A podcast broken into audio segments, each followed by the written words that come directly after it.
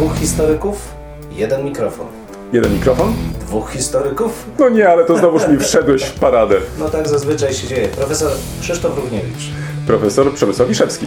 Próbujemy nagrywać to, co nas ciekawi, to, co nas kręci, ale zawsze w kontekście historii. No niestety, takie już mamy, że tylko o historii, chociaż czy zawsze na poważnie? No nie zawsze, a przede wszystkim historia to cały świat. To nie tylko to, co minęło, ale też to, co jest teraz. Chcemy pokazać, że w historii można poznawać się w różny sposób. Zdecydowanie w różny sposób i nawet można się nią bawić. Państwo wszyscy widzą, że się uśmiechamy, więc my się też bawimy nieźle. Bardzo dobrze. Dwóch Liczymy historyków, jeden mikrofon. Jeden mikrofon? Dwóch historyków. To kolego, nagrywamy już, ale zanim do tego dojdzie, a właściwie do tego, co chcemy dzisiaj zrobić, muszę cię uszczypnąć. Dobrze, Tak, ja szczypę, szczypię. Ja szczypie mnie. szczypię. Au! Wyrwał mi włosy, wiecie państwo, to jest jednak Proszę skandal. Państwa, to e, Gdyż albowiem- specjalnie, specjalnie Wow. zrobiłem, ponieważ e, chcę tym samym powiedzieć, że nie nagrywają nas boty. My się sami nagrywamy i tutaj Dobre. miał być, miał być to dowód. Dobry, ale to takie wymyślili teraz, że Ale będą wiesz, nie, dostaliśmy. szczypać? Nie, nie, słuchaj, No. wiesz, dostaliśmy od e, e, Jacka Staniszewskiego, jednego z autorów Podcasterixa, naszego siostrzanego, tak, Tak, jak tak, to tak. zawsze określamy podcastu, wiersz, który został napisany przez. Przez co? Przez bota, tak? no przez tak. sztuczną inteligencję. sztuczną inteligencję. Ale proszę od razu zachować Tak. dystans, bo Dystans, my, te, estetycznie... my też, zas- my też dystans.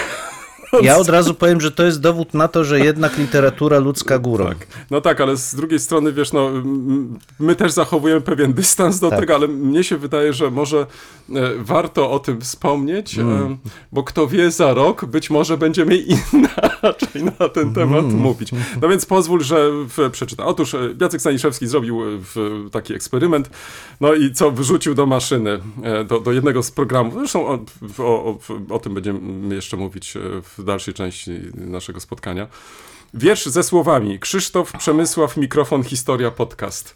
No, muszę powiedzieć, że Jacku, dziękujemy, że w ten sposób opisałeś. To, to, to bardzo fajnie. No. E, tak, tak. Ale tu nie, pojawiła się, nie pojawiło się jedno hasło, popularyzacja. No, było No, fajnie, ale gdyby. No ale dobrze, ale może za dużo. No dobrze, i słuchaj. Krzysztof i Przemysław. y, A może byśmy powinni tak zarapować, słuchaj, to, to jest to rapo, jakbyśmy tak zaczęli rapować. Zrób to tak, tu, tu, tu, tu, ty to potrafisz, Nie, ja, ja nie potrafię tak. Krzysztof i Przemysław, dwóch znajomych, mikrofon trzymają w ręku, nieustannie. Historię opowiadają, czynią to z pasją. Podcast, ich ulubionym miejscem, do którego tęsknią.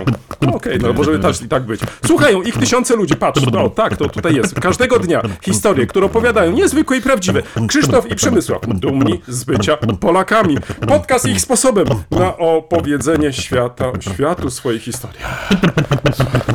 Tak, proszę Państwa, no i taki to był wiersz i taka to była muzyka i niestety ja dalej wierzę, że lu- przed ludzkością kreatywną jest przyszłość. Ten wiersz tylko to potwierdza. Tak, to w, w, tutaj jeszcze raz y, dziękujemy Jackowi za, za to właśnie takie. No, To mnie kosztowało trzy włosy z ramienia, proszę Państwa. W moim wieku to jest jednak wiesz, to, poświęcenie. nie, nie, nie, nie, ale zaraz, zaraz, wiesz, to, to, to wszystko się robi dla nauki. Więc tutaj nie narzekaj tak bardzo, a Jackowi dziękujemy jeszcze raz, bo Bardzo dziękujemy. jakby to powiedzieć, no, powinniśmy sami o tym pomyśleć, ale są po prostu nasi mili słuchacze, którzy myślą za nas. To też bardzo fajne.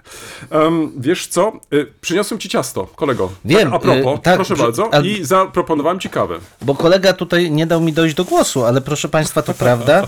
Nie dość, że przyniósł mi ciasto, on chciał mnie po prostu tutaj zastrzelić, bo to ciasto lekko spleśniałe jest, ale bardzo ładne, taka biała... Ty żartujesz chyba. Nie no, pianka, proszę Państwa, że tak pleśniak czasami się nazywa, ale taka pianka jest... Ale bez Jest- pestek, kolego. jest Proszę Państwa, bez gdybyście pestek. wiedzieli, jako on. Ale ostrzegałem, że są pestki, Tydzień no. temu mi zafundował No. e, jazdę bez trzymanki. Tak, są wybite szyby od tego czasu u kolegi w pluć, gabinecie, bo pluł pluć, pestkami. tak, Tam pestkami, jest, no to się tak. zdarza niestety. Piękne ciasto, bardzo dobra Ale jest kawa. też i merwert. Jest też i merwert. Bardzo Właśnie dobra kawa. O, Tak, właśnie, tak, tak, tak, Zaraz żeby, sztojer od tego będzie pewnie. żeby tu kolega nie narzekał. Kolego, I tak sobie gadu gadu. Ciekawostki. tak, właśnie, przechodzimy do następnej części. No dobrze, proszę Państwa, ponieważ akurat tak się złożyło, że w zeszłym tygodniu. Aj, spokojnie, troszkę musiałem Stawiałem powędrować. I między innymi w, brałem udział w konferencji w Brnie, zorganizowanej w ramach takiego szerszego programu dotyczącego reform, zmian, przemian pó- późno-średniowiecznej Europy. W tym przypadku mowa była o przemianach religijnych w, miastach średniowiecznych i relacjach między zakonami i miastami średniowiecznymi, późno-średniowiecznymi. I na tym tle najczęściej chyba pojawiającą się osobą był Jan Kapistran. Postać nietuzinkowa, jak pięknie powiedział profesor Kras, celebryta średniowiecznej religijności. No bo rzeczywiście, tak, coś w tym jest. On działał oczywiście głównie na terenie Włoch. Jego kazania, jego działalność doprowadziła do no, takiego dużego ruchu reformatorskiego w, gro, w łonie Franciszkanów, wyłonienia się specyficznej gałęzi Franciszkanów obserwantów. Ale co jest ciekawego w tym wszystkim, to że kiedy wyruszył na północ od Alp, nie miał właściwie zamiaru dotarcia do Polski. Jego zamiarem było przeprowadzenie serii kazań antyhusyckich, wzywających także do krucjaty przeciwko Turkom. Dwa cele, husyci, tur, Turcy, walka krzyżowa i wszystko, co jest z tym e, związane. Jednak podczas pobytu w, we Wrocławiu miał być usilnie proszony przez wysłanników e, królewskich, żeby jednak zechciał przybyć do Krakowa. Ostatecznie się zgodził, no i proszę Państwa, to była wielka feta.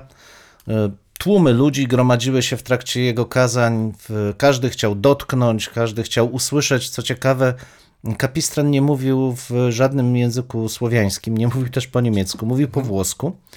Um, I y, właściwie w trakcie całej tej północnej podróży było otwartym pytanie, jak i czy w ogóle ludzie go rozumieli.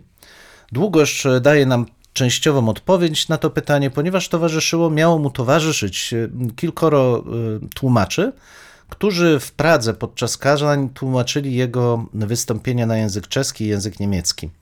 Być może podobnie było i w Polsce, że w gronie jego współpracowników znaleźli się polscy, a przynajmniej władający językiem polskim, tłumacze, którzy z włoskiego przekładali bezpośrednio te jego wypowiedzi, ale wydaje się, że nie chodziło tutaj nawet o same słowa, ile o mimikę, gest, ten, tą całą komunikację, która przecież z daleka, kiedy kilka tysięcy ludzi się zbiera, nie było wtedy mikrofonów, nie było wzmacniaczy, no, na pewno nie słyszeli za dużo, ale chodziło o samo poczucie bycia w pobliżu osoby takiej już prawie za życia świętej.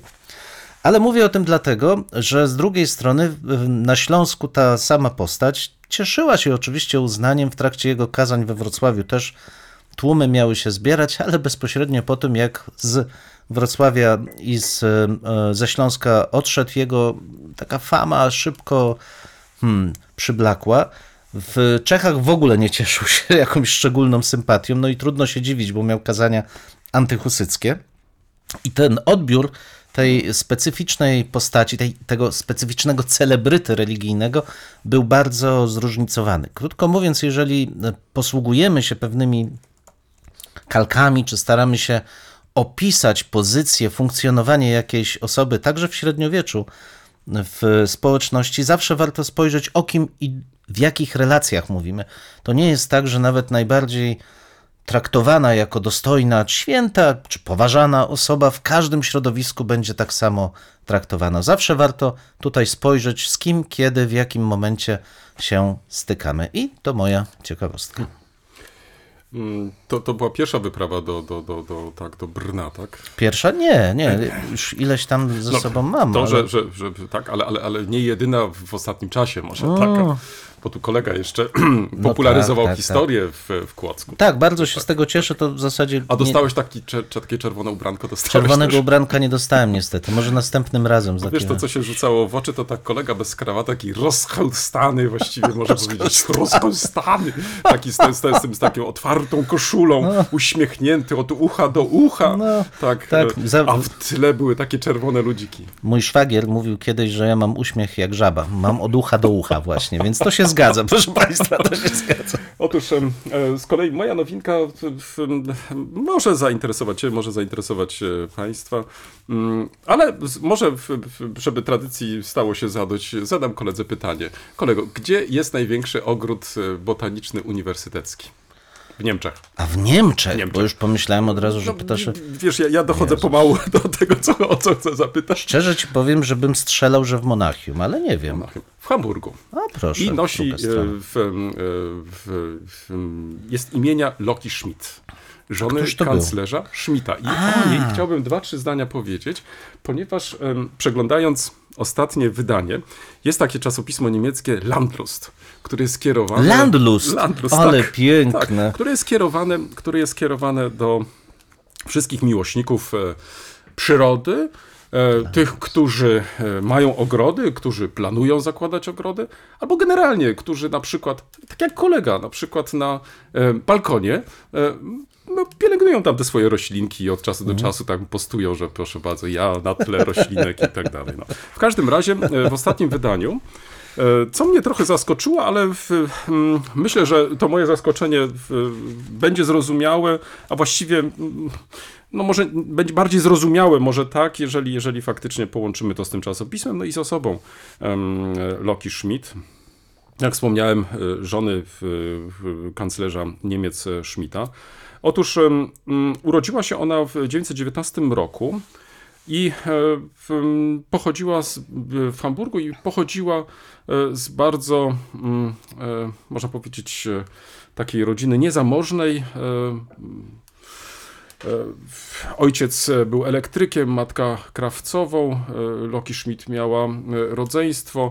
E, Skąd się wziął mm, e, ten, ten przydomek Loki, kiedy występowała w teatrze, w, w, pojawiło się to określenie Loki, no jakoś tak przylgnęło do niej już na następne e, dziesięciolecia.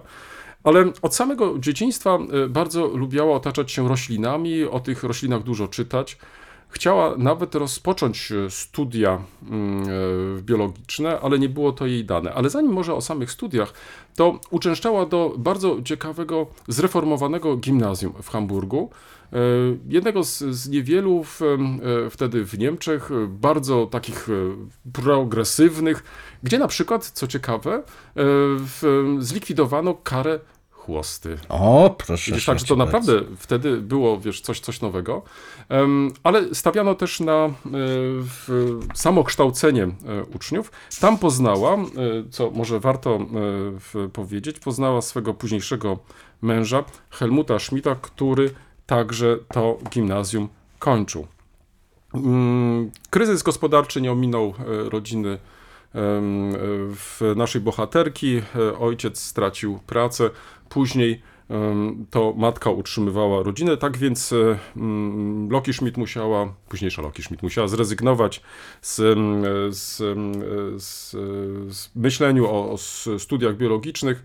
E, musiała bardzo szybko jakiś praktyczny zawód się nauczyć. No i postanowiła e, zostać e, nauczycielką e, szkoły podstawowej. No i co ważne, po II wojnie światowej kontynuowała, kontynuowała pracę nauczycielki aż do początku lat 70., tak więc nie poprzestała, mimo że mąż już po II wojnie światowej, bo w czasie wojny wzięli ślub, ta, ta miłość z okresu gimnazjum wybuchła na nowo w, w, w czasie II wojny światowej. No i oboje wzięli ślub. No i, i, i w, to w pierwszym okresie to, to żona utrzymywała tutaj e, faktycznie e, męża. Ale te zainteresowania biologiczne mm, nie skończyły się. To znaczy, po tym jak już mąż został kanclerzem, wręcz odwrotnie, można powiedzieć, że w, w, rozwinęły się na nowo. To znaczy, przeprowadzka z Hamburga do Bonn, ale także i bycie żoną e, w kanclerza dawało jej całkiem nowe możliwości i ona faktycznie z tego korzystała. Tak więc w chwili, kiedy przyjeżdżały inne małżonki wraz ze swoimi mężami, politykami, to ona często je zabierała do ogrodów e, botanicznych, ogrodów zoologicznych, ale też e, zaczęła sama badać, zaczę- zaczęła sama pisać i mimo, że nie skończyła studiów biologicznych, faktycznie stała się jedną z e, ważniejszych e, ważniejszych osób, które popularyzowały wiedzę o, e, mm, o roślinach, a zwłaszcza tych, które ginęły. I dlatego też już w 1976 roku utworzyła taką organizację e, Kuratorium Opieki nad Zagrożonymi e, Roślinami. E, Była jedną z pierwszych, która generalnie na to zwróciła uwagę, to znaczy to, co sprawiło, że zainteresowała się tym e, tematem, to przede wszystkim świadomość, że z roku na rok jest coraz mniej kwiatów, roślin takich, które znała z dzieciństwa. No i uznała, że po rozmowach z innymi, że, że dobrze jest po prostu zacząć się tym interesować, być może temu przeciwdziałać. W roku 80 e, w, w, w, stworzyła taki w konkurs, w którym uczestniczyła aż do śmierci. Zresztą sama brała udział w wybieraniu em, e, w laureatów, mianowicie Kwiat Roku. Tak więc e, taki mm, konkurs e, stworzyła. No i tak jak wspomniałem, do końca swego życia mm, także patronowała temu konkursowi. Ale to, o czym jeszcze chciałbym wspomnieć, to to, że e, bardzo często wyjeżdżała, sama brał udział w wyprawach naukowych, no i odkryła niektóre rośliny, czy też niektóre mm, teraz y, zwierzaki, no, no, rodzaje czegoś, no to widzisz, no. To jest tak. Czy wiesz, co to jest bromelia? Spotkałeś się z czymś takim? Bromelia, no, Tak. no mi to przypomina tylko, że to może być latający owad, który powoduje uspokojenie na zasadzie bromu.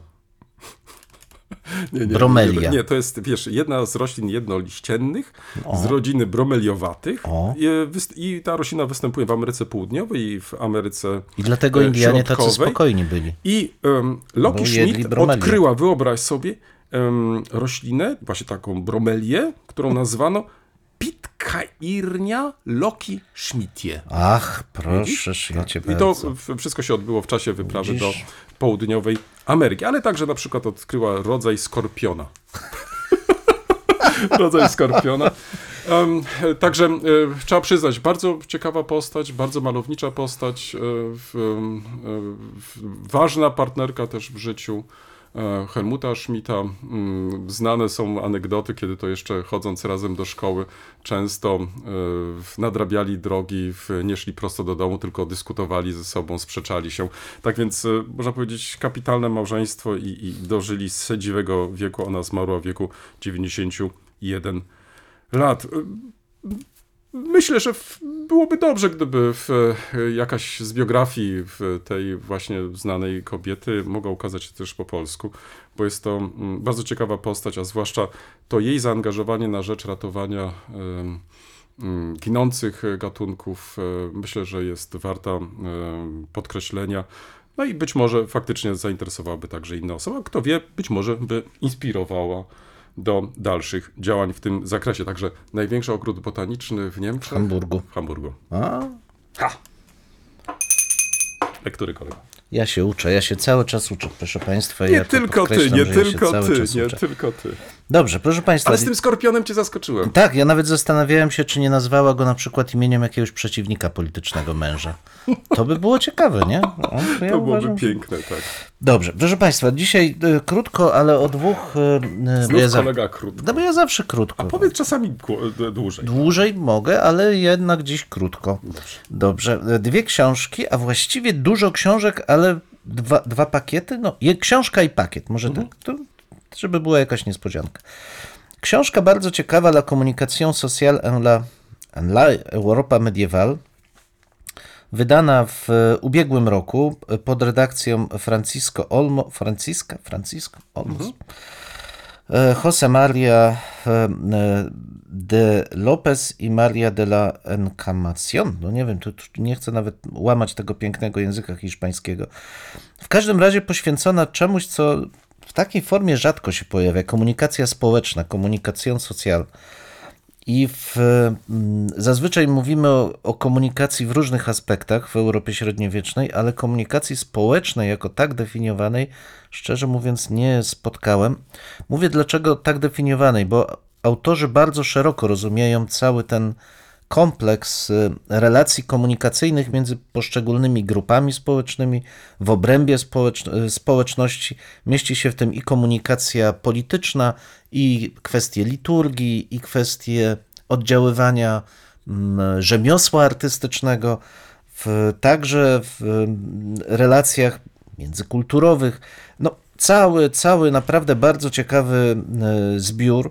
W większości po hiszpańsku, ale są też bardzo ciekawe artykuły w języku angielskim, więc każdy dla siebie będzie mógł coś znaleźć. Manuel Pedro Ferreira, między innymi, bardzo ciekawy artykuł. Blunt or oblique, what troubadours mean in song. Co właściwie stoi za tą komunikacją e, trubadurów, co także i do minezengerów można odnieść, bo z jednej strony rzeczywiście one tam czasami wręcz takie graficznie są mm, w swoich opowieściach o relacjach damsko-męskich, no i często pojawia się pytanie, czy ta swoista dosłowność ma jakieś znaczenie symboliczne, czy też nie. Więc polecam, warto na przykładzie trubadurów temu się e, przyjrzeć, ale mamy tutaj też artykuł Alberto Mediny de Seixas, War and Peace Liturgy, Ritual Mediation and Memory Construction, The Battle of Salado.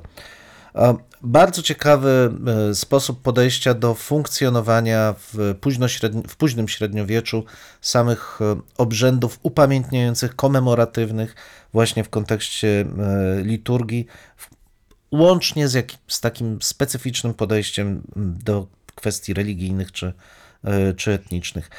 Mówię o tej książce także dlatego, bo mam do niej zastrzeżenia, no, jak do wielu tego typu e, zbiorów, które są bardzo ciekawe, ale którym brakuje klarownego podsumowania. To jest coś, co mnie zawsze męczy, bo, bo chciałby czytelnik się dowiedzieć, czy musi czytać wszystkie rzeczy, czy też, e, bo wynika z tego jakaś szersza myśl, czy jest to zbiór różnych takich impresji na ogólnie zakreślony temat. No i w zasadzie może wybrać to, co go interesuje, ale sensu takiego globalnego z tego nie ma. Trochę mi brakuje właśnie takiego szerszego podsumowania, choć oczywiście rozdział, e, rozdział wstępny pewien jest, ale mówię, mam do niego duże, duże, duże wątpliwości. Ale mówię o tej książce także dlatego, że w, choć nie jest dostępna w, na zasadzie open access, no niestety trzeba za wersję elektroniczną w całości zapłacić prawie 30 euro. Nie jest to dużo, ale nie jest też mało. Natomiast wzorem wydawnictw, no, czasopism, można powiedzieć, autorzy czy redaktorzy wydawnictwo zdecydowało się na podział na rozdziały i możliwość zakupienia poszczególnego rozdziału. I tutaj cena już jest naprawdę przystępna, 4 euro kosztuje dostęp. Ja oczywiście wolałbym, żeby było to w, do, w Open Accessie zupełnie e, swobodnie dostępne, dostępne, tak. ale 4 euro to już jest cena, którą przy naszym przypadku jest, no możemy jakoś, e, myślę, że przyjąć, bo nie wiem, ktoś, może Państwo nie wiedzą, ale artykuł w takim renomowanym czasopiśmie w, z dużych wydawnictw to jest wydatek rzędu kilkudziesięciu euro, czasami nawet stu kilkudziesięciu euro, jeden artykuł. Więc 4 euro uważam za zupełnie przyzwoitą cenę. Książkę polecam, aczkolwiek mówię z pewnym wahaniem właśnie ze względu na brak e, podsumowania. Tym niemniej sama koncepcja komunikacji społecznej dla mnie bardzo ciekawa. Pojawia się tutaj, dla mnie chyba najciekawszym był artykuł poświęcony komunikacji w małych miasteczkach klasztornych w Anglii. Bardzo ciekawy. I to jest jedna rzecz, a druga rzecz, i to jest od razu mój prezent dla kolegi.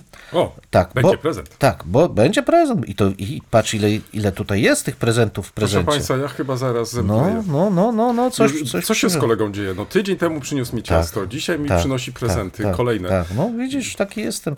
No, szeroki gest mam. W każdym razie. To, to było jakieś e, noworoczne postanowienie, czy co? Że będziesz tak dlaczego? dawkować mi nowe prezenty, No, tak no, co zostań. tak? To, to no, się skończy szybko, no ale trudno. To się skończy. Proszę Państwa, z wizyty w Brnie przywiozłem między innymi komplet takich, będziemy. takich e, hmm, mini przewodników po mieście. I to O. jest bardzo ciekawy pomysł. Oprócz takiego nieco większego o różnych kościołach w, Czyli bez e, żadnego takiego, Brnie. albo bez wielkiego zadęcia może. bez wielkiego zadęcia, ale też jest to seria folderów dotyczących współczesnych architektów, których realizacje są w Brnie. Adolf Loos, Ernst Wiesner, Bohusław Fuchs oraz tak zwany New House Brno 1928. Na pierwszy rzut oka, szczerze mówiąc, z niczym mi się to nie skojarzyło, poza tym, że kształt budynku wydał mi się dziwnie znajomy. Po zapoznaniu, rzeczywiście, WUWA to jest ten moment, w którym powstaje cała seria tych wystaw architektonicznych, gdzie między innymi we Wrocławiu jest WUWA, natomiast w podobnym, bardzo podobnym, modernistycznym stylu. Jest Może zorganizowana wystawa. Werkund, em, czekaj, jak to było? Werkund Werkbund, und, tak, Werkbund und tak. e, Won- Wohnungsbau, tak. Tak, Werkbund und Wohnungsbau i podobnym stylu powstaje Czechosłowak Werkbund i e, realizuje swoje wystawy w Pradze i w Brnie. W tym samym czasie, między 27 a 32 rokiem, realizowane są także wystawy w Stuttgarcie, poza Wrocławiem w Curychu i e, w Wiedniu. Więc to jest to cała seria. Te- wystawy nie zakończyły się sukcesem komercyjnym, ale rzeczywiście pozostawiły po sobie trwały ślad w postaci takiej, takiego wyzwania architektonicznego. Jak można budować właśnie w sposób przyjazny dla ludzi, nowoczesny, a nie zaśmiecający przestrzeni też wizualnie. I powiem Ci, że jestem pod dużym wrażeniem. Naprawdę te, ta skromna w sumie realizacja, bo ta wrocławska była chyba większa jednak, na mnie robi ogromne wrażenie, ale pokazuje też pewną wspólnotę myśli architektonicznej w tej części środkowej, e, środkowej Europy. Naprawdę warto się e, wybrać do Brna, żeby chociażby porównać to, co, czym my się tu cieszymy we Wrocławiu i co możemy e, pooglądać w, w Brnie. Dla mnie sam pomysł właśnie, bo to jest też i kwestia funkcjonalizmu w Brnie, e, współczesna architektura, sam pomysł, żeby w formie takich e, skromnych, wręcz kieszonkowych O, przewodników, chciałem, chciałem podkreślić. kapitalna. Co więcej, każdy z nich, sobie do tak. plecaka włożyć do każdy z nich ma mapkę. Tak. Można spokojnie obejrzeć obiekty, które są zgrupowane na niewielkim w sumie obszarze w pobliżu e, centrum, centrum miasta. takie zwiedzanie tematyczne śladami po. Dokładnie tak. Trochę mi brakowało wersji elektronicznej, ale jeszcze będę szperał, e, czy e, gdzieś e, znajdę odnośniki. Wydaje mi się, że powin, powinny one być, ale niestety tak na pierwszy rzut oka i ucha nie udało mi się ich odnaleźć. W związku z powyższym, proszę Państwa, książeczek tu przekazuję koledze raz, dwa, trzy, cztery, pięć, sześć, siedem. Siedem to jest szczęśliwa liczba. Żeby kolega sobie oglądał, jak nie będzie mógł spać i pojechał do Brna. Dziękuję koledze bardzo. I to wszystko na dzisiaj. Pięknie. No tak, to, to koledze dziękuję, że, że, że pamiętał, że Nawet pamiętał. gumkę mu dałem, żeby mu się nie rozpadły. Tak poszedłem w kosztach. Czy ja już tak wyglądam jakoś? Nie wiem, czy ja potrzebuję gumki, recepturki? No ty nie, ale ja tak, także wiesz, mi się to nie pogubiło. Um, więc e, w, jeśli chodzi o moje lektury, ta, dziękując koledze, zresztą będę wracać do tego co róż, no bo jestem pod wrażeniem. Właściwie to tak jak Bo no, generalnie to strzeliło faktycznie generalnie to on i- uważa, że jestem skąpy, ale dobrze, dobrze. Ale w, w, zobacz, dwa, trzy lata, cztery lata dobrej pracy I już- przynosi efekt. Tak? No, także Dobrze, tutaj dobrze. dzielimy się nie tylko słowem, ale też i przedmiotami, zwróć uwagę. No. Zobaczę, co tam mam w Tak, schowku. no. ale to zostaw na następny raz, będziemy Tak, tak, zaskakiwać. tak, tak. się. Ale zaraz, zaraz, y, poczekaj, to znaczy tak, ty przyniosłeś tydzień temu ciasto, Tak. em, ale nie było kawy. Dzisiaj Tak. było ciasto z powrotem e, i była kawa. Tak, ale kolega Pojawiły nawet... się książki, to teraz ja już się boję następnego odcinka. Ja się też boję, bo ja walczę z nadciśnieniem, a kolega mi kawę dał. Ja w ogóle nie zacząłem ją pić i już czuję, że to był błąd. Ale- Więc ja się boję, co będzie dalej. Ale wypiłeś się przecież. tą No właśnie, to jest dramat. Dobrze. To y, kolego tak, y, więc u mnie te lektury w tym tygodniu no, w, w, tak podążały różnymi ścieżkami, powiem w ten sposób. E, Skończyłem czytać e, dwie relacje, bardzo, bardzo trudne, bardzo przejmujące, bardzo ciekawe dwóch e, żydowskich więźniów. W trakcie lektury, na razie nie będę mówić e, dokładnie, czego dotyczyły i tak dalej, bo wiem zbyt mało. To są relacje i tutaj, e, w, tak jak to z tymi dokumentami ego jest często, że em, wszystko zależy od tego, kiedy były spisane, w, w jaką te osoby mm, e, nabrały wiedzę, spisując te relacje już po dziesiątkach lat i tak dalej, więc jedne relacje wychodzą nam prawie, że jak praca naukowa, inne są pisane, gdzie masz wrażenie, że są pisane wręcz tak jakoś e, na bieżąco i tak dalej. Więc tutaj e, w tym przypadku jest to, nie ukrywam, bardzo ciekawa dla mnie lektura i w, w, samo zestawienie, to znaczy tutaj e, na przykład sporo dowiedziałem się o stosunkach wewnątrz grupy żydowskiej, to znaczy o rywalizacjach, o kupowaniu, o, o właściwie też e, e, znęcaniu się i tak dalej. Więc są to rzeczy trudne, e, niełatwe i, i takie, które myślę, że, że dopiero w zestawieniu z innymi e, relacjami pozwolą być może wyrobić sobie jakieś zdanie co do, jeżeli w ogóle będziemy w stanie to zrobić, em, co do dnia codziennego w, w sytuacjach ekstremalnych, tutaj w tym konkretnym przypadku obozów e, pracy.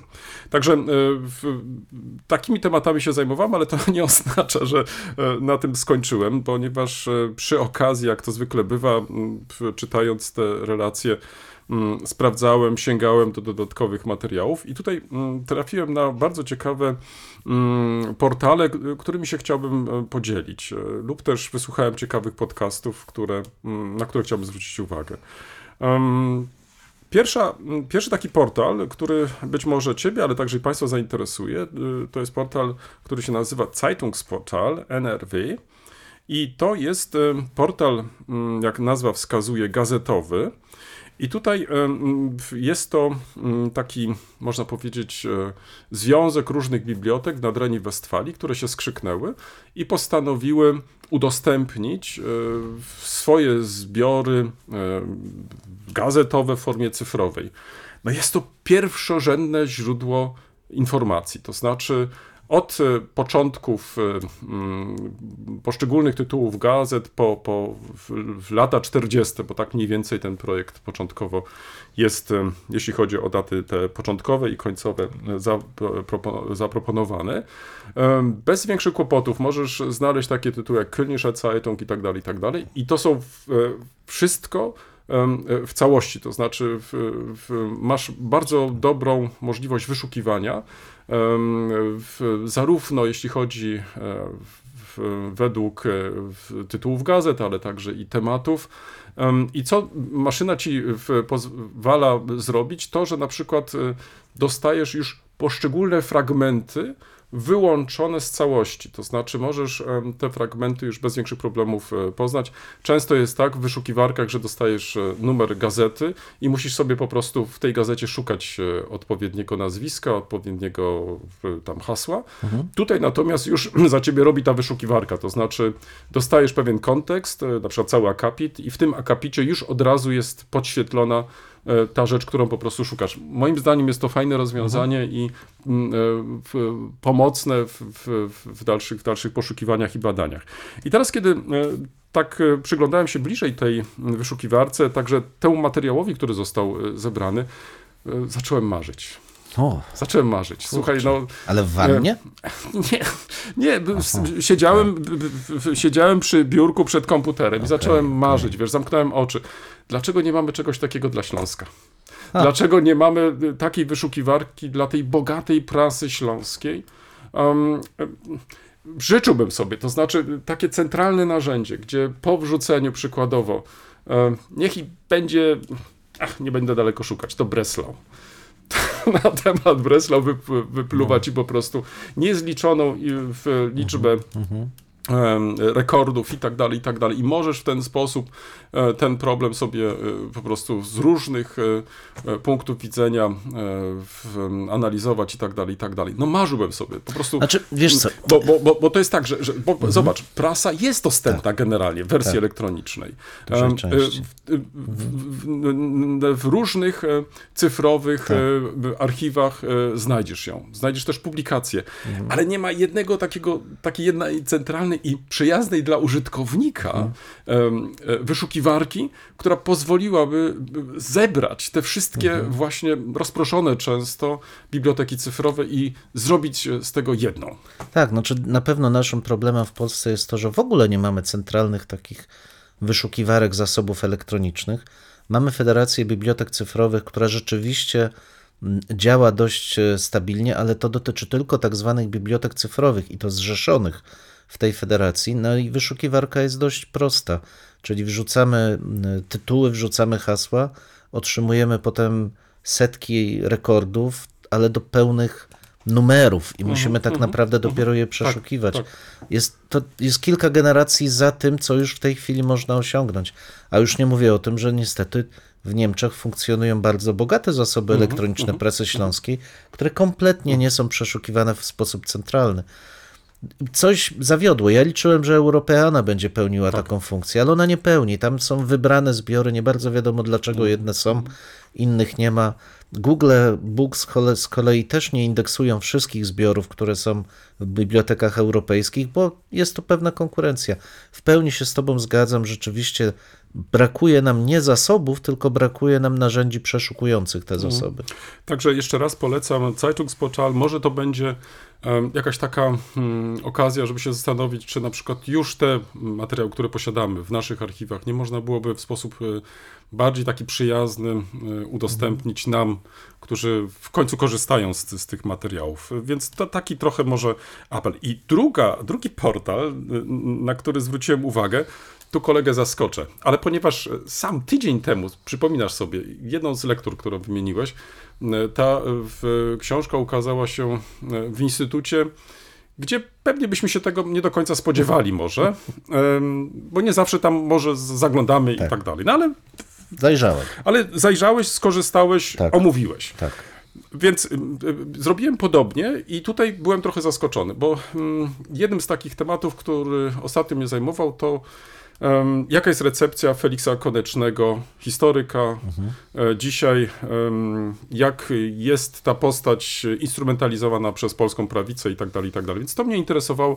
Chciałem znaleźć e, zarówno opracowania e, Konecznego, ale także, co bardziej mnie interesowało, krytyczne jakieś spojrzenie na to, co mm, on e, stworzył i jak to dzisiaj jest e, oceniane. No, z tą drugą rzeczą jest trudniej, ale co ciekawe, mm, ukazały się w ostatnich latach pisma Konecznego, więc je można zakupić, ale uwaga, jest też cyfrowa biblioteka myśli narodowej. Trafiłem, słuchaj, na taki portal i wyobraź sobie, w tej e, mm, cyfrowej bibliotece myśli narodowej znajdziesz e, mm, teoretyków e, polskiej prawicy, łącznie z Konecznym. I zamiast kupować dzieła wielotomowe, możesz skorzystać z tej darmowej możliwości sięgnięcia po te opracowania. A jest tu faktycznie mm, sporo tych opracowań i Dmowskiego, i Bocheńskiego i tak dalej, i tak dalej. E, Więc tutaj raczej e, z, z tym osoby, które są na przykład zainteresowane tą problematyką, nie będą miały większego problemu, a co ciekawe, e, będą mogły też sięgnąć, mogły też będą sięgnąć, poczekaj, tylko że ja tutaj się coś nie pomyliłem. A, to nie Bocheński, Boże, co, o czym ja tu mówię? To jest tak, Balicki na przykład, dalej, masz Brzozowski, masz Dymowski, Doboszyński, e, no i tak dalej, i tak dalej. Czyli e, osoby zainteresowane, jeżeli będą chciały na przykład e, sięgnąć do oryginałów, do mm, nie tylko fragmentów, to tutaj faktycznie bez większych problemów będą mogły te opracowania e, znaleźć. Te publikacje, poza tym one są dostępne w, w, jako PDF, więc e, nie ma też kłopotu z ich e, ściągnięciem. Ale czy to są, to są legalne wersje? Czy to Tak, są... tak, to jest nawet, Tak? słuchaj, to jest, zaraz ci powiem, to jest nawet projekt finansowany przez nasze, No, to, to akurat mnie nie dziwi. e, Że to... nasze, nasze władze To i już tak. Tak. to jest dofinansowane ze środków Ministerstwa Kultury, Dziedzictwa Narodowego i Sportu. No, ale to O, nie znaczy, widzisz, że to jest tak, legalne. To akurat... Nie, nie, ale, ale to ja myślę, że tutaj chodzi o autorów, których publikacje ukazały się przed II wojną światową, Mhm. więc tutaj co do praw autorskich, to myślę, że tutaj to chyba nie ma A, a, większego a powiedz problemu. mi, bo, ja, bo No. mnie to zaciekawiło, bo to jest No. Biblioteka Cyfrowa Myśli Narodowej, tak? Tak, tak. Mhm. A powiedz mi, czy ta myśl narodowa niemiecka sąsiaduje z myślą narodową polską tutaj i one się nie gryzą? Tam nie ma jakichś Kolego, wojen? ty oczekujesz czegoś, ty naprawdę No oczekujesz bo za to tak dużo. brzmi. Nie, nie, nie, ale to, Myśli narodowe, tak w ogóle myśli narodowej. nie, ale to, to oczekujesz za dużo. To znaczy, Nie, ja dużo. myślę, że tutaj y, p- krokiem następnym powinno być No. i kto wie, może my powinniśmy złożyć taki wniosek do, do, do, do, do No, no, tego no, ministerstwa, no, które no. tu wymieniłem przed chwilą, Tak. y, o myśli liberalnej na przykład. Cyfrowa biblioteki, biblioteka myśli liberalnej. Ja bym poszedł, nie, bo ja bym poszedł za ciosem. Jak? Międzynarodowa Biblioteka Myśli Narodowej. I tam wiesz, i tam byłyby wojny, bo te myśli by się ścierały ze sobą, dyskutowałyby ze sobą. To jest Kolego, ty bardzo chyba ciekawe. oczekujesz za dużo. Naprawdę ty oczekujesz za dużo. Natomiast e, ja chcę tylko zaznaczyć, że dobrze się dzieje, że taki e, dostęp jest Mm. i, i Każdy może sobie do tego zajrzeć. Ale, ale, ale ja chcę więcej i ja, ponieważ Dobrze. ty śpiewałeś na początku, ja zaśpiewam teraz. I want it all, I want it all. Kolega za dużo tej kawy chyba się faktycznie tak, napił. ciśnienie mi się i podniosło. ciśnienie mu się podniosło. Wiesz co, to ja może w tym momencie skończę już e, na temat tego portalu. adres, adres poda, bo tutaj... e, ale zwróć uwagę, e, Międzynarodowa myśl narodowa, Wiesz, proszę Państwa.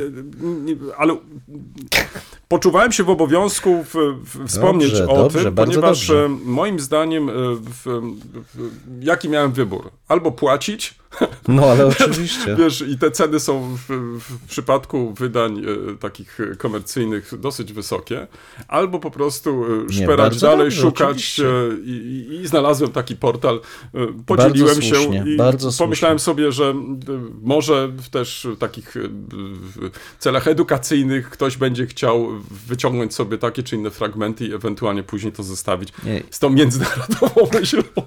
Nie, ja generalnie jestem ba- nie, biblio... biblioteka? cyfro... Międzynarodowa Biblioteka Cyfrowa Myśli Narodowej. No widzisz, no. Ale proszę Państwa, żeby było jasne, ja jestem absolutnie za.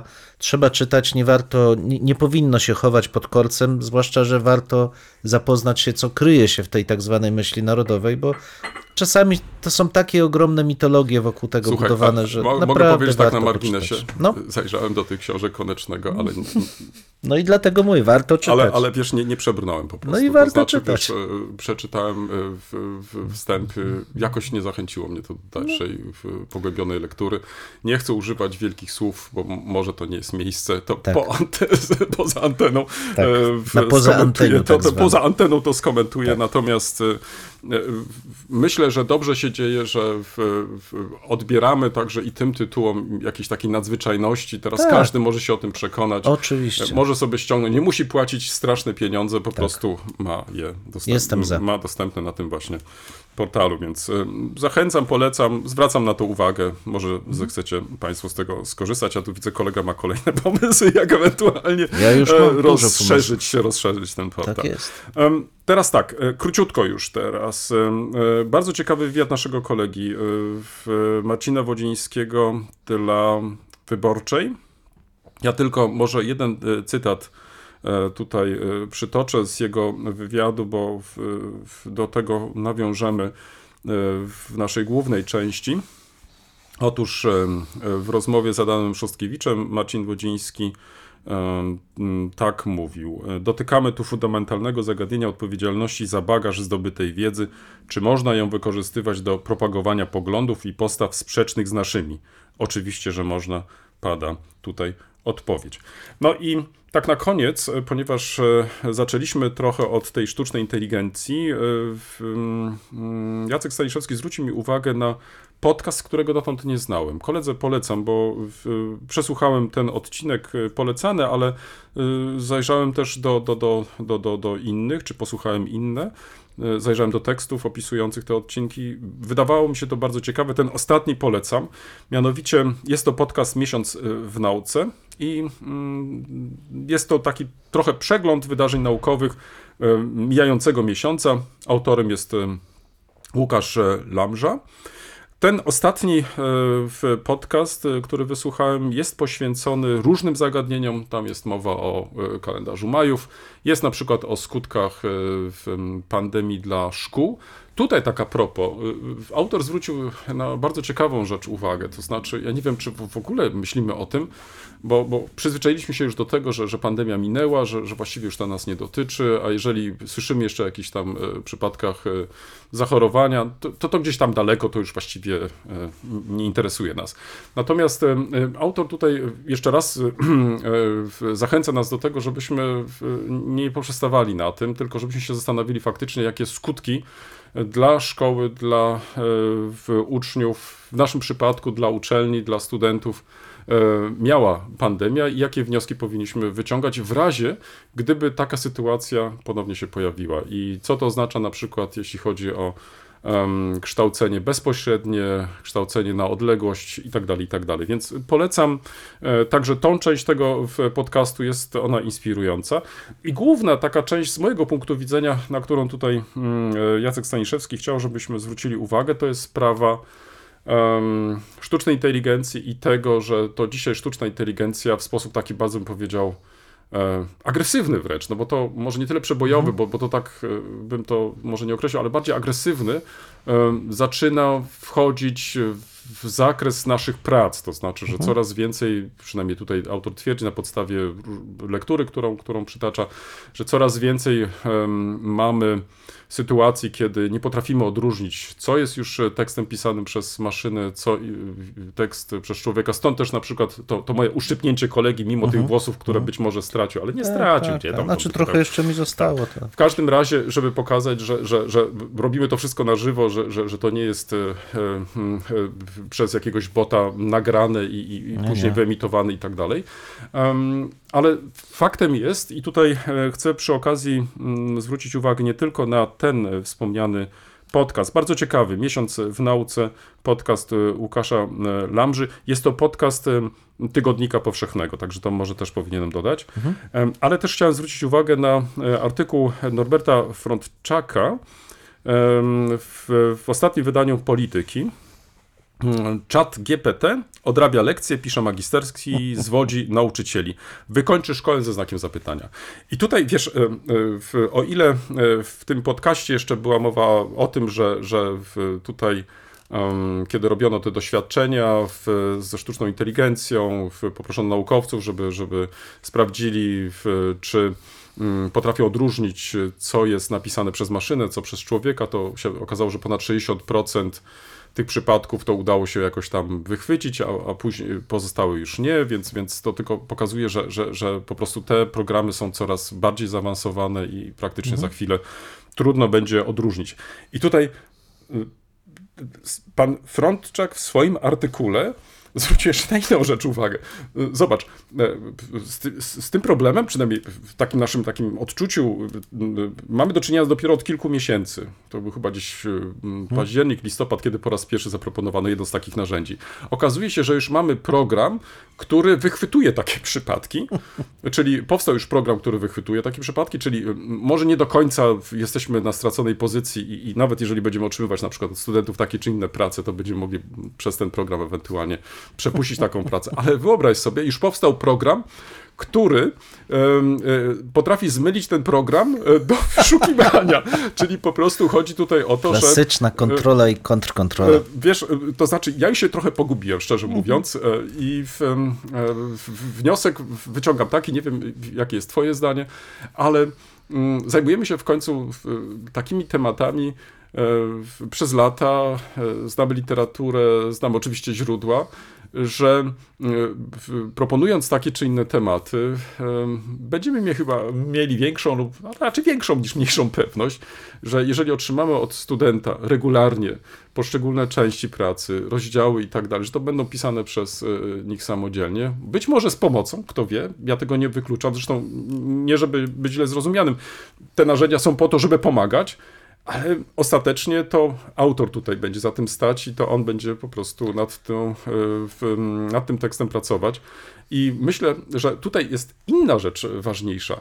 Nie zwalnia nas to z pracy ze studentem, z pracy z tekstem, bo czasami być może można mieć takie też wrażenie, że przy, tej mas- przy tym umasowieniu uniwersytetów e, często może idziemy trochę tak na skróty, na łatwiznę i później pojawiają się właśnie tego rodzaju sytuacje, że Słuchaj, ale to jest horror, wyobraź sobie. Masz do na przykład oceny ileś tam tych e, prac dyplomowych, ileś tam tych magisterek i większość na przykład została napisana przez boty. Potrafisz sobie coś takiego wyobrazić? Nie, ja potrafię. Ja wręcz uważam, że zresztą mówiliśmy już o tym, że, że ten, ta klasycz, ten klasyczny model, moim zdaniem, nauczania musi odejść w przeszłość, bo w zasadzie jak wyobrażam sobie, gdzie na niektórych wydziałach profesorzy prowadzą po kilkadziesiąt prac magisterskich jednocześnie.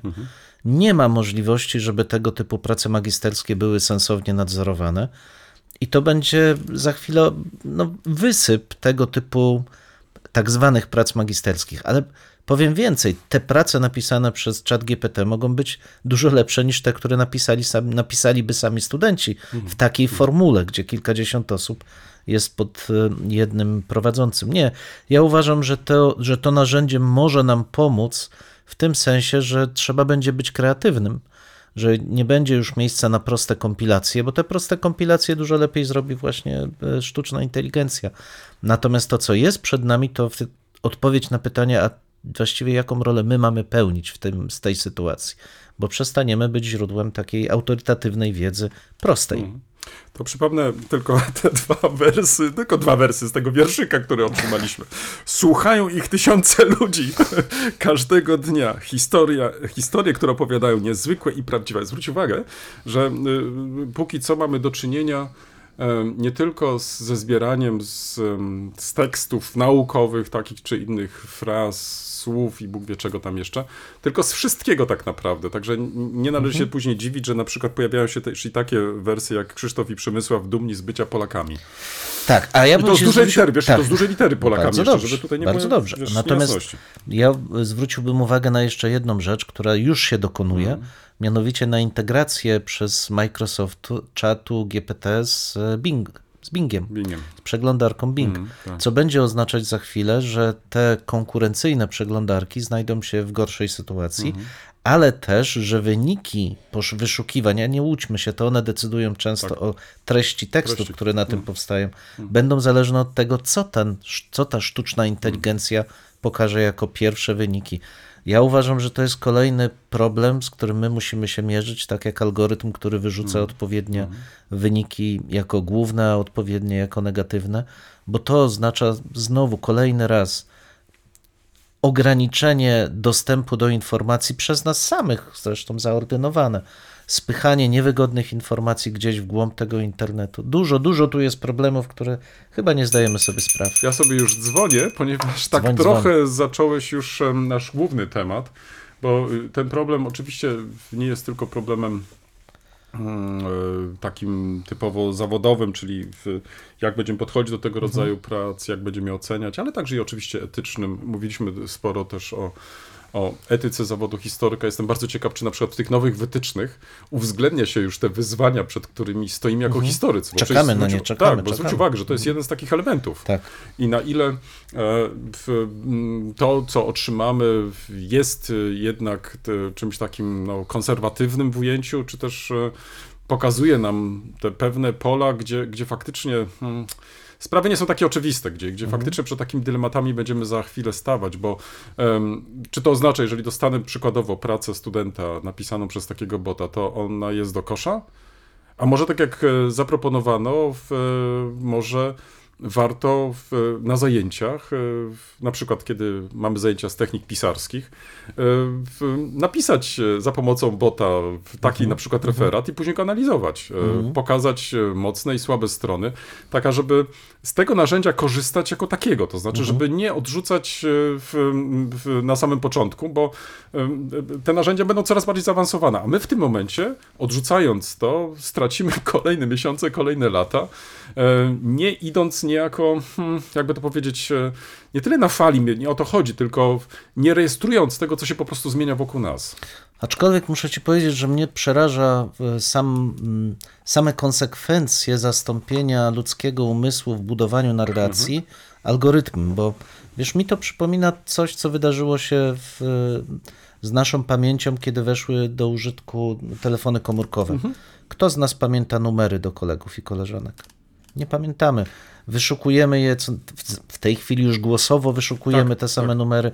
I teraz pomyśl, co się stanie z umiejętnością budowania narracji przez ludzi, Mhm. jeżeli będą wrzucać wyłącznie hasła klucza, a następnie dostawać gotowe teksty, których często już nie będą poprawiać. Tak. Tak jak mówisz, te narzędzia będą coraz doskonalsze. Pytanie, czy brutalnie mówiąc, nie zaszkodzi to nam w rozumieniu tekstu, umiejętnościach budowania narracji i odróżniania tego, co jest realne i realne nie Ale jest. uwagę, Strasznie się- trudny temat. Tak, ale zwróć uwagę, tu się pojawia inny problem, który wydaje mi się jeszcze jest mm, bardziej którego skutki nie potrafimy przewidzieć. Mianowicie, często pewnie analizując e, takie czy inne materiały, zwłaszcza te materiały źródłowe, które e, powstały e, na konkretnych osobach, mm, zastanawiamy się, czy mm, przygotowując e, artykuł, przygotowując e, monografię, em, wszystko podawać, czy też nie. E, Dam dwa przykłady. O jednym być może wspominałem przed wielu laty, kiedy przygotowywałem wraz z zespołem profesora Jący dokumentację poświęconą wysiedleniu i osiedleniu, wysiedleniu Niemców i osiedleniu ludności polskiej w, Świdnicy, czy tam w Krzyżowie i okolicach. Analizowaliśmy w księgi chrztów, pogrzebów, ślubów i tak. E, Mnie przypadło, mm, przypadła analiza e, księgi mm, chrztów. I tam w tych mm, księgach często trafiałem, w- przypadku roku 45, em, informację zapisaną przez księdza, że dziecko urodziło się bez ojca, a w nawiasie żołnierz Armii Czerwonej. Czyli nie, była, nie było podane imię i nazwisko ojca, tylko ta informacja żołnierz Armii Czerwonej. No i mm, tutaj w którymś momencie zastanawialiśmy się, e, czy tą informację powinniśmy podać. E, A chcieliśmy mm, opublikować imiona i nazwiska. Jeszcze wtedy to było możliwe, pierwsza połowa lat 90. em, w- Wykaz zarówno w- dawnych mieszkańców, jak, jak i nowych mieszkańców, tak żeby pokazać pewne zjawisko, pewne zmiany i tak dalej. Wtedy przeważyło zdanie, że to nie jest naszym głównym celem informowanie, w jakich okolicznościach taka czy inna osoba przyszła na świat. Poza tym y, to, co przeważyło ostatecznie, to też y, to zdanie, że nie wiemy, czy no, ta osoba jeszcze żyje, albo w, w, w członkowie rodziny o tym, że Tak. czy sobie życzą, żeby taka informacja publicznie znalazła się em, w, w tej dokumentacji. No i drugi przykład y, y, z ostatnich dni, kiedy to inna osoba, bardzo e, ciekawa, bardzo, o takim bardzo takim malowniczej biografii, e, dowiadujemy się, że podczas II wojny światowej e, pełniła różne funkcje.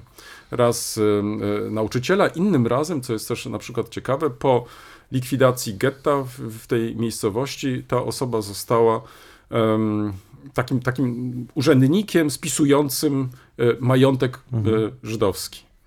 Um, co ciekawe, w, w, w różnego rodzaju w, w autobiografiach pisanych przez tę osobę już po II wojnie światowej, ten wątek na przykład kompletnie jest pominięty. To znaczy on się już nie pojawia. I teraz e, e, stajemy przed dylematem, e, co zrobić z takimi informacjami.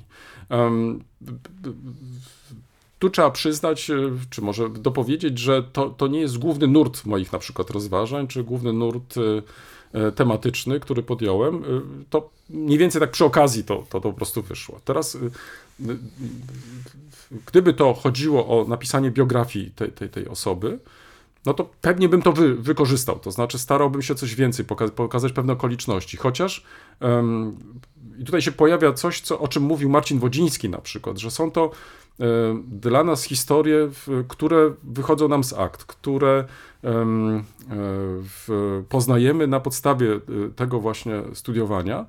Natomiast niekoniecznie musi to być e, mm, e, tożsame z obecną polityką historyczną. Znaczy, wręcz bym nawet powiedział, ona, te informacje, gdyby je opublikować, e, one byłyby wbrew temu, to znaczy takiej chęci tylko pokazania tych e, chwalebnych stron e, w naszej, w naszej historii, a tutaj e, sprawa jest o wiele bardziej złożona, to znaczy ona jest, wymaga jakiegoś wyjaśnienia, jakiegoś komentarza. I może się okazać, że ta osoba wcale w tak pozytywnym świetle już nie będzie mogła być przedstawiona, jakbyśmy ewentualnie sobie tego życzyli albo chcieli, no ale to jest naszym zadaniem jako historyka. I teraz wracam do tych dylematów związanych ze sztuczną inteligencją.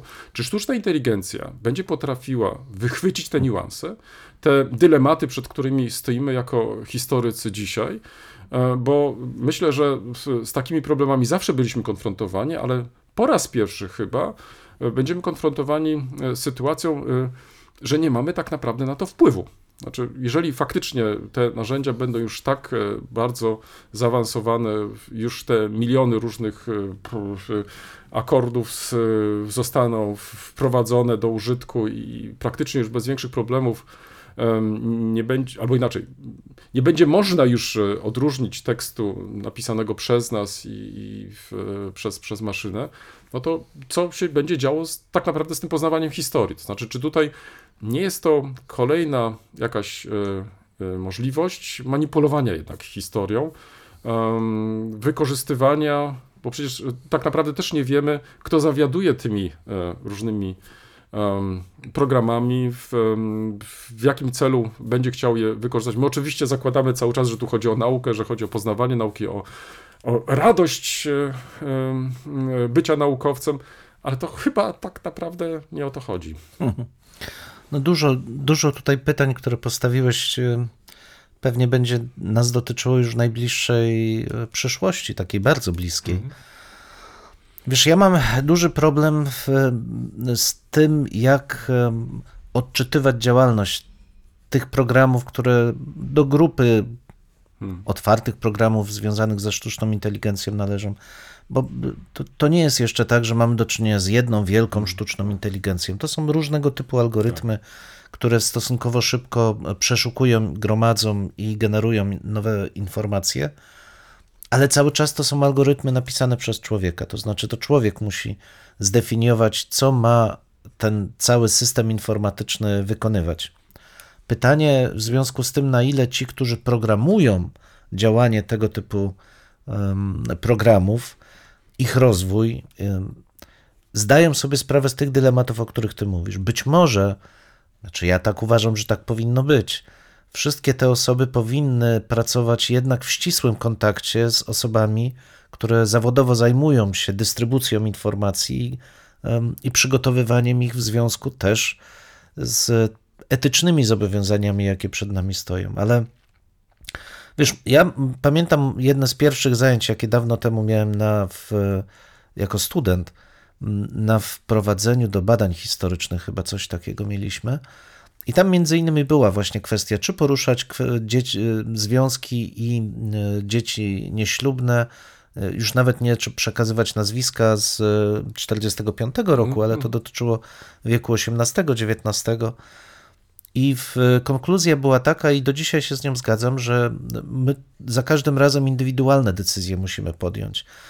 Pierwszym odruchem jest takim, że trzeba stosować e, działania statystyczne, bo one są istotne dla całego procesu. Natomiast te kwestie osobowe pojawiają się wtedy, kiedy zajmujemy się w mikrostudiach pewnymi społecznościami. I wtedy trzeba już bardzo ostrożnie pod względem konsekwencji e, zastanawiać się nad ich wykorzystaniem. Ja mam duże wątpliwości, czy ci, którzy programują działalność tych wszystkich em, em, specyficznych programów, zdają sobie sprawę z takiego rozróżnienia. Czy... No zwróć uwagę, przepraszam, ci wejdę w No, no. słowo, bo to chcę jeszcze może bardziej wypuklić, że mm, my jeszcze mamy tą możliwość wyboru. To znaczy, Tak. ty wtedy decydujesz zgodnie ze swoim sumieniem, swoim doświadczeniem, Tak. ale także przecież masz na uwadze różnego rodzaju ograniczenia, w których Ale też cel moich I badań. Cel, tak, no właśnie, Tak. tak. ale jeżeli taka maszyna, jeżeli taki bot takich y, dylematów nie będzie miał, to on po prostu to publikuje. Tak jest. On to zamieści, Tak. on to przejmie, bo przecież Tak. y, być może sprawą czasu będzie, kiedy także i takie na przykład w tym konkretnym przypadku Tak. księgi, na przykład e, chrztów, zostaną, zostaną e, w, również włączone do tego rezerwuaru informacji Tak. i będą wykorzystywane, więc e, tych dylematów już nie będzie.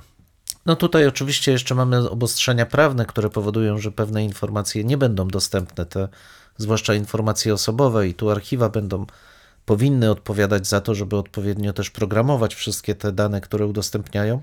No ale jaki masz wybór? Popatrz, już teraz jesteśmy Mhm. konfrontowani z inną sytuacją, że e, o ile, tak jak wspomniałem, na początku Mhm. lat 90. nie mieliśmy tego dylematu, czy publikować te nazwiska, czy też nie, bo uważaliśmy, że mm, mamy nadać tej historii jakiś taki konkretny kształt. Tak. Konkretne osoby. Ludzki. Tak, ludzki. Dzisiaj y, coraz częściej jesteśmy konfrontowani z inną sytuacją, że te nazwiska są po prostu zaczerniane w archiwach. O tym właśnie, Zobacz, i, tak? I teraz ty jako badacz y, y, nie dostaniesz nawet w- wglądu do tych właśnie e, biografii. E, Fakt, że może się domyślać, o jakie osoby chodzi, no ale Mhm. nie we wszystkich przypadkach jest to możliwe. Znaczy, to, to, to warto jakby rozróżnić, że rzeczywiście w, w tym otwartym dostępie nie może być, nie mogą być dane osobowe, natomiast w archiwum jest klauzula, która umożliwia do badań naukowych dostęp do niezanonimizowanych danych. Tutaj jest to wszystko otwarte, ale trzeba się udać do archiwum. Tak. I teraz dla mnie niebezpieczeństwo, jakie tkwi, o czym wspomniałem wcześniej, w, tych, w tym maszynowym badaniu, to przede wszystkim z jakich danych ono będzie, będzie korzystać, ten, ten cały system informatyczny. To jest coś, o czym już wielokrotnie mówiłem. Naturalnym jest, że archiwa będą musiały wprowadzić ograniczenia w dostępie do informacji, właśnie do informacji osobowej. Czyli całe kategorie źródeł mogą zostać usunięte, bo będą to źródła osobowe. Ale jeżeli wejdzie już ten system tworzenia informacji automatycznych w pełni do użytku, to konia z rzędem kto zajrzy do archiwum. 99,9% prac będzie produkowanych właśnie w oparciu tylko o zasoby elektroniczne, co przecież już się bardzo często dzieje. naturalnie. Bardzo wielu historyków od lat nie zaglądało do archiwów, nie korzystało ze źródeł. Nie, po prostu literatura to, co Choć jest trzeba dostępne przyznać w też może przestrzeni trochę cyfrowej. broniąc y, tą grupę, że y, archiwa udostępniają coraz więcej tych materiałów. Tak, ale znowu to jest pytanie, jakie? To jest, popatrz, znowu tu dotykamy tego samego e, zagadnienia. Jeżeli trzeba będzie ograniczyć dostęp właśnie ze względu na prawa e, osobo, osób do anonimowości, no to my si- siłą rzeczy będzie dokonywała się autocenzura, której my nie będziemy nawet świadomi. Wiesz, to pytanie, czy no bo to pytanie, czy korzystać i przedstawiać informacje, które nie są korzystne dla ludzi, towarzyszy historykom od początku dziejów. No, z naszej własnej perspektywy, jeśli weźmiemy kronikę Gala Anonima, to przecież tam pojawiają się informacje o tym, że był syn nieślubny księcia Hermana, który okazał się złym księciem. I jest Zbigniew przedstawiony w jak najczarniejszych e, barwach. No ale po co? Po to, żeby przykryć z kolei fakt, że krzywousty złamał przysięgę daną temu swojemu bratu i doprowadził do jego śmierci, popełnił występek. Historycy po latach próbują te wszystkie warstwy informacji gdzieś rozłożyć, dojść do tego, ale to jest przykład tego, w jaki sposób wykrzywia się, czy przedstawia się narrację tak, żeby odpowiadała celom politycznym. A teraz wszystko składamy w ręce maszyny, wszystko składamy w ręce, w ręce algorytmu. Ja naprawdę bardzo się obawiam tego, że my upośledzimy człowieka w dobrej wierze, zlecając wykonywanie już hermeneutycznych operacji, tych, które prowadzą do poznania prawdy, maszynie, którą ktoś kiedyś zaprogramuje, a w międzyczasie ona sama będzie się Wiesz, programować. jeszcze tutaj y, o jednej rzeczy warto wspomnieć, że czasami maile, które dostajemy, które są straszne, obraźliwe i tak dalej, niekoniecznie musiały być napisane Mhm. Tak przez jest. konkretne osoby, Tak, tylko poprzez y, maszyny tak docierają do nas. Y, Odróżnić to, to jest rzeczą niełatwą i dlatego mnie się wydaje, że tak ważną rzeczą jest teraz śledzić na bieżąco, co się dzieje, bo zwróć uwagę, no nie minęło kilka miesięcy, Mhm. Tak. a my rozmawiamy po raz kolejny na ten temat. Tak. E, Już konkretyzując go, to znaczy to już nie jest coś, co jest jakąś taką nowinką dla nas, e, coś, co może nas zachwycić, niekoniecznie zachwycić i tak dalej, tylko po prostu, gdzie rozważamy, że to może mieć konkretne e, konsekwencje dla naszej dalszej pracy. No wiesz, i dla mnie takim nie wstrząsem, ale jednak y, ze smutkiem przyjąłem artykuł, który się ostatnio ukazał, dotyczący oddziaływania stosunkowo wąskiej grupy zaangażowanych, narodowo przekonanych autorów haseł w Wikipedii i ich wpływie na funkcjonowanie haseł dotyczących relacji polsko-żydowskich w okresie II wojny światowej. I okazuje się, że te hasła w Wikipedii nie mają nic wspólnego z bieżącym stanem badań. Są tak zdominowane przez tą wąską grupę, która kształtuje, wykrzywiając obraz tych badań, czego normalny czytelnik nie jest, nie jest w stanie odróżnić. A to powoduje, że moje zaufanie do Wikipedii, które opierało się na dobrym mechanizmie samoregulującym się, zostało poważnie naderwane, ale też skierowało moją uwagę na konsekwencje szerszą rozwoju tego typu narzędzi. Bo przecież Wikipedia to jest tylko w niewielkim zakresie, ale bardzo podobny mechanizm generowania autorytatywnych informacji dla ogółu. Zdecydowano, ja nie wiem, kto kiedy ostatni raz sięgał po encyklopedie, takie klasyczne. No, a kolega już specjalistą jest. Natomiast powszechnie, w takim powszechnym użyciu wpisuje się w Wikipedii i szuka się informacji. I teraz wyobraź sobie, że w podobny sposób ktoś będzie decydował o gromadzeniu informacji dotyczących zjawisk z całego świata. wystarczy, że ktoś będzie w stanie złamać kod, wprowadzić odpowiedni algorytm, który wygeneruje za chwilę informację o tym, że na przykład rasa czarna jest rasą gorszą niż rasa biała. Wiesz tylko, że tutaj myślę, że jeszcze nadal mamy możliwości sprawdzenia tego typu Jeszcze tak. informacji, e, korzystając na przykład z wielojęzycznych mutacji. I one jednak e, nie zawsze są tożsame, w- Tak. często są mniejsze teksty, bardziej obszerne i tak dalej. I to pozwala też zweryfikować. Więc na przykład to, o czym teraz mówiłeś, to, to dotyczy polskiej Wikipedii, czy też e, Angielskiej. angielskiej, czyli faktycznie I polskiej, jest to, i angielskiej, Tak, czyli jest to tak, faktycznie tak, znaczącym tak, problemem, tak, a poza tym, jeśli jesteś wikipedystą, czyli jeżeli jesteś tą osobą zarejestrowaną czy zalogowaną, to wtedy też możesz prześledzić e, zmiany, jakie e, wprowadzono i kto wprowadzał te zmiany. Więc Mhm. m, wiesz, tutaj wracamy do, do innego e, w, e, tematu, em, że tutaj powinniśmy być aktywni w tym procesie, to znaczy te mm, zadania dla historyków, one się zmieniają. To znaczy, może jeszcze e, nie tak dawno mówienie o tym, że my powinniśmy bardziej dbać też to, co się dzieje w tej przestrzeni publicznej. Ktoś by nas mógł powiedzieć, że chyba przesadzają, albo mógłby spokojnie nas wyśmiać. Mnie się wydaje, że to właśnie ta, ta nazwijmy w cudzysłowie, ta walka o historię, ona się teraz odbywa właśnie w tego rodzaju mediach. I teraz być może osobom, które są zideologizowane, które mają tylko pewien wycinek wiedzy, które, które, co do którego są przekonani, że to, to oni mają rację, a brak im właściwie wszystkiego, od warsztatu rozpoczynając, kończąc na, na, na jakiejś em, rudymentarnej wiedzy faktograficznej itd., itd., to poprzez to, że, że potrafią obsługiwać te narzędzia, to, że potrafią też formułować, e, może nawet i korzystając e, z, już z, ze sztucznej inteligencji, w ten sposób tworzą kolejne narracje, o czym my na przykład, nie, nie zwracając na to za bardzo uwagi, no za chwilę będziemy na pozycji przegranej, bo nie będziemy w stanie już w jakiś sposób e, dać kontry, zadziałać, polemizować. No bo z czym polemizować, jeżeli już e, coś, co jest kłamstwem, zostało uznane za prawdę? No, ale wiesz, to znowu dotykamy tutaj e, problemów funkcjonowania e, kultury masowej, w której tak naprawdę my jesteśmy zanurzeni, bo to, co stoi przed nami, co jest niezmiernie trudne, to jest powiedzenie, że jednak nie wszystkie opinie, nie wszystkie informacje są równorzędne. W chwili obecnej ten, to, to dążenie do weryfikacji informacji jest minimalne. Opiera, opiera się na autorytecie liczonym liczbą odsłuchów, oddziaływaniem społecznym. Tymczasem to, co mózg nasz przyswaja, najczęściej to emocje. I te komunikaty, które są bardzo emocjonalne, a więc najprostsze, najbardziej schematyczne, są traktowane jako najbardziej atrakcyjne. One wypierają to, co jest skomplikowane, co jest nie, nie do końca biało-czarne. No i pytanie, czy w ten sposób, szukając dobrych, szybkich narzędzi wspierających człowieka, my nie skazujemy człowieka na odczłowieczenie. W tym miejscu stawiamy kropkę lub też jak to woli kropkę nad i. No, mamy nadzieję, że to nie jest koniec, że to jest początek Waszych dyskusji. Mam nadzieję, że Was zaciekawiliśmy. Prosimy o komentowanie naszych zmagań z historią. Poniżej zdjęcia jest wystarczająco dużo miejsca. I pamiętajcie, nie regulujcie odbiorników. No, my naprawdę tak brzmimy. E, tak, chociaż być może czasami e, może trzeba ściszyć. No może czasami ten nasz rechot by się przydało wyciąć nawet. Dwóch historyków, Jeden mikrofon, jeden mikrofon. dwóch historyków. Dziękujemy. Dziękuję.